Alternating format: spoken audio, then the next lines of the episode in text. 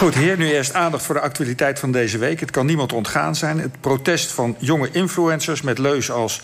ik doe niet meer mee en free the people... maakten zij hun ongenoegen kenbaar. Want na een half jaar corona-leefregels zijn ze het zogezegd zat. En niet alleen hun geduld is op. Veel meer Nederlanders uh, uh, hebben ook last met het virus. En uh, voetbalsupporters zien we joelen in stadions, noem maar op. de strenge maatregelen van de overheid komen een beetje in de knel. Ja, en wij vroegen ons af, zijn dit soort on geluiden onvermijdelijk bij een langdurig virus? En hoe ging dat vroeger in, lang, lang, in een langer geleden tijd? En bij ons Rina Knoef, uh, aan de Rijksuniversiteit van Groningen is zij uh, docent. En ze zit ook aan het Aletta Jacobs Instituut. Rina, welkom. Ehm, jij weet veel van medische geschiedenis af. Uh, als jij nu kijkt naar dat protest wat er afgelopen... of protest, maar de, de ongelukkige influencers die, uh, die, die niet meer meededen. Hoe, kijk jij daarnaar? Nou, ik heb eigenlijk best wel een beetje met ze te doen. Want ze zitten natuurlijk ook een beetje in de klem, hè, de jongeren van vandaag. Um, ze moeten zich houden aan allerlei leefregels, net als wij allemaal. Uh, dat is voor hun best wel heel erg ingrijpend. Um, dus ik, uh, ik heb het wel met ze te doen. Vooral ook nu, omdat ze vaak toch wel de schuld krijgen... van, uh, van de tweede golf die op ons afkomt. Terwijl eigenlijk toch de meeste besmettingen nog steeds plaatsvinden... in huiselijke kring en op het werk. Uh, maar toch kijken we op de een of andere manier heel erg naar de jongeren op het moment. Ja, en leuzen als ik doe niet meer mee, free the people... alleen samen krijgen wij de overheid onder controle. Waar, waar, waar, waar halen ze dat vandaan? Waar, waar duidt dat op? Um, ja, ik, ik vind zelf die uh, ik doe niet meer mee... is natuurlijk buitengewoon ongelukkig. Hè? Um, als ik zo naar Famke Louise luister bij uh, Eva Jinek... dan uh, hoor ik haar ook niet zeggen... ik heb er eigenlijk geen zin meer in, ik doe niet meer mee. Maar ik hoor eigenlijk toch wel een soort diepere problematiek daarachter. En, en die is? Uh, ik denk dat de jongeren zich heel erg ongerust maken... over de toekomst na corona... Uh, want ze zien natuurlijk een enorme economische crisis op zich afkomen. Uh, is er werk na mijn studie? Uh, geen idee. Dus dat is een hele moeilijke situatie waar ze in zitten. Ja. Maar als je nou naar het verleden kijkt... ik geloof de Spaanse griep heeft ook twee jaar geduurd. zowel 1918 als 1919. Werd men daar toen ook moe van? Ging men toen ook... Ja, zeker. Ja. De Spaanse griep, uh, een heel mooi voorbeeld... Uh, en wat ook echt wel een beetje lijkt op, uh, op nu... is de anti-maskerbeweging in Amerika, in San Francisco. dat was een beweging die kwam op direct na de eerste golf... van een, een, groep mensen die zeiden... nou, die maskers, dat zien we helemaal niet zitten. Dus ze hadden medische redenen voor. Er waren toen ook mondkapjes? Mondkapjes, ja. ja. Die waren gemaakt van verband en kaasdoek. Dus die hielpen natuurlijk helemaal niks... Uh, en dat was ook de redenering. Hè. De, de dokters zeiden ook vaak, het helpt eigenlijk niks. Uh, maar laten ze toch maar opdoen. Dus uh, de tweede golf kwam eraan.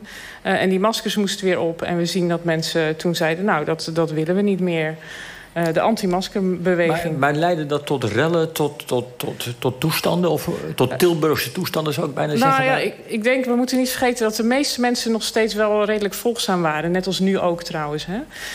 Um, het leidde wel tot, uh, tot enige opstand, ja. Dus we zien in de eerste golf waren die kapjes ook al uh, verplicht. En mensen werden natuurlijk richting hoge boetes als ze die kapjes niet op hadden. Soms werden ze ook in de gevangenis gegooid.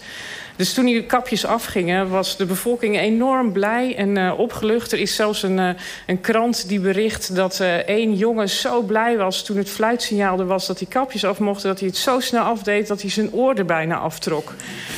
Dus dat is natuurlijk, dat laat zien hoe, hoe, hoe, die kapjes eigenlijk ingrepen. Nou, die, die Spaanse griep, een week daarna begonnen de getallen weer toe te nemen. Dus die kapjes moesten weer op. En mensen die hadden daar echt problemen mee. Ja, en, en zijn er ook andere voorbeelden? Bijvoorbeeld uit de tijd van de 19e eeuw werden we, maar werd het Westen, maar ook elders in de wereld... enorm geplaagd door de cholera. Deden zich daar ook dit soort verschijnselen voor? Ja, de cholera was eigenlijk best heftig. Hè? Dus we hebben ook een aantal golven gehad van die cholera. Uh, de eerste golf in de jaren 1830. Uh, daar waren echt wel serieuze rellen ook. Uh, niet zozeer in Nederland, maar vooral in Rusland, Engeland... zien we ze in Duitsland... Uh, en wat daarachter is, zit, en dat is natuurlijk iets waar we nu ook wel echt uh, rekening mee moeten houden... is dat zo'n pandemie veroorzaakt dat allerlei onrecht in de samenleving... juist heel erg naar voren komt.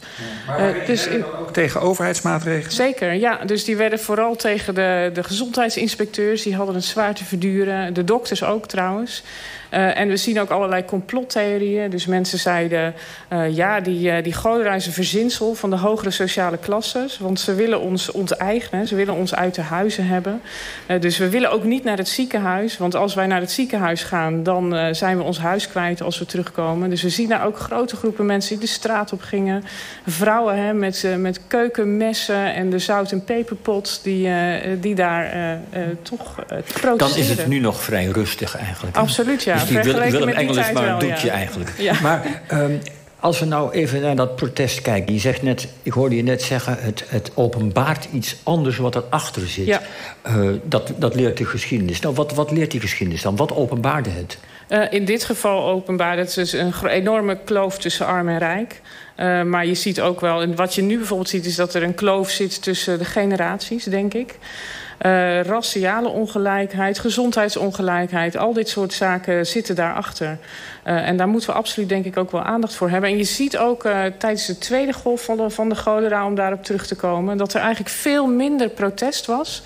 En ik denk, daar zijn twee redenen voor. Nou, vertel, want die tweede golf, wanneer was die? En die wat... is in 1849 geweest. En dat is die natuurlijk direct na het revolutiejaar van 1848 geweest. Waarbij al die traditionele bolwerken omver zijn geworpen.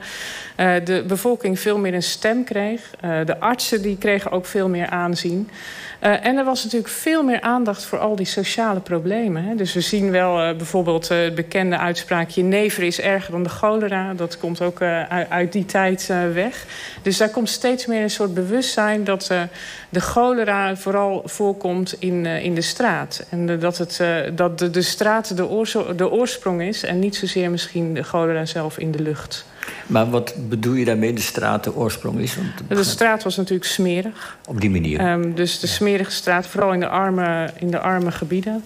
Dus we zien in de 19e eeuw in Nederland een hygiënistenbeweging opkomen... die juist daar ook heel erg op inzetten. En daarmee ook de leefomstandigheden enorm verbeteren. Ja, en is dan de veronderstelling omdat in 1848 iedereen op straat was gegaan demonstreren... dat ze gehoord werden, dat er maatregelen genomen werden...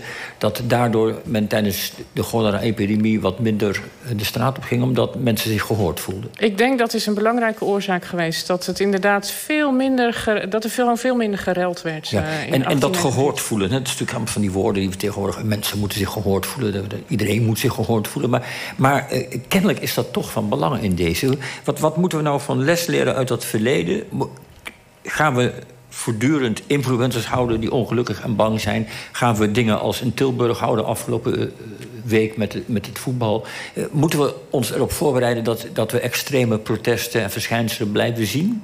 Hoe, uh, hoe, moeten we ik, daar, hoe moet de overheid daarmee omgaan? Vertel het eens. Ik denk, zolang we die strenge maatregelen hebben... hebben we mensen die zich daartegen verzetten. Dat, uh, dat is bijna een, een, gegeven. Ik denk wat, uh, wat heel erg zou helpen... is als er meer aandacht zou zijn voor de, de, de, de covid-pandemie. Mm -hmm. Ook als een pandemie die zich verspreidt via die sociale netwerken. Hè? Dus dat vooral in arme mensen daar heel veel last van hebben. Of mensen die in huizen wonen met heel veel mensen bovenop elkaar. De, voor hen is het veel moeilijker om zich aan die maatregelen te houden. En, en uh, ik denk het tweede punt, dat geldt zeker voor de jongeren. Ik denk dat we ook meer moeten gaan spreken over de tijd na corona. En de jongeren mee moeten laten denken aan de nieuwe toekomst. Uh, want we kunnen ze niet weg blijven zetten als... Uh, nou, jullie, we moeten beter communiceren. Of jullie hebben het niet begrepen. Want ik denk, ze hebben, we hebben het allemaal heel goed begrepen natuurlijk. Daar ja. zit gewoon toch iets, iets meer achter.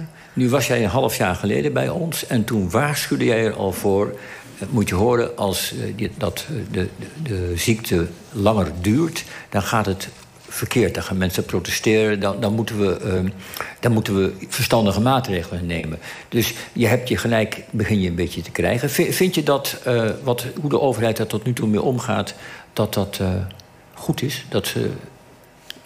Ik denk uh, dat de overheid te veel zich alleen maar focust op het virus als een soort medisch probleem. Uh, en niet zozeer als een uh, maatschappelijk probleem. Daar, zouden ze eigenlijk meer aandacht voor moeten hebben. Dus ook nu, hè, we, we, we zien die cijfers omhoog gaan. En eigenlijk hebben we alleen maar belangstelling voor de, de, de dodentallen. Maar we hebben geen belangstelling voor de vraag... hoe komt het nou dat in bepaalde wijken meer mensen overlijden... of in bepaalde gebieden? Eh, en dat heeft heel erg te maken met maatschappelijke omstandigheden. En ik denk, daar moeten we echt meer aandacht voor hebben. Dus ik zou zeggen, meer expertise in het OMT dan alleen medische expertise. Goed, uh. Rina. Helder. Dank je wel.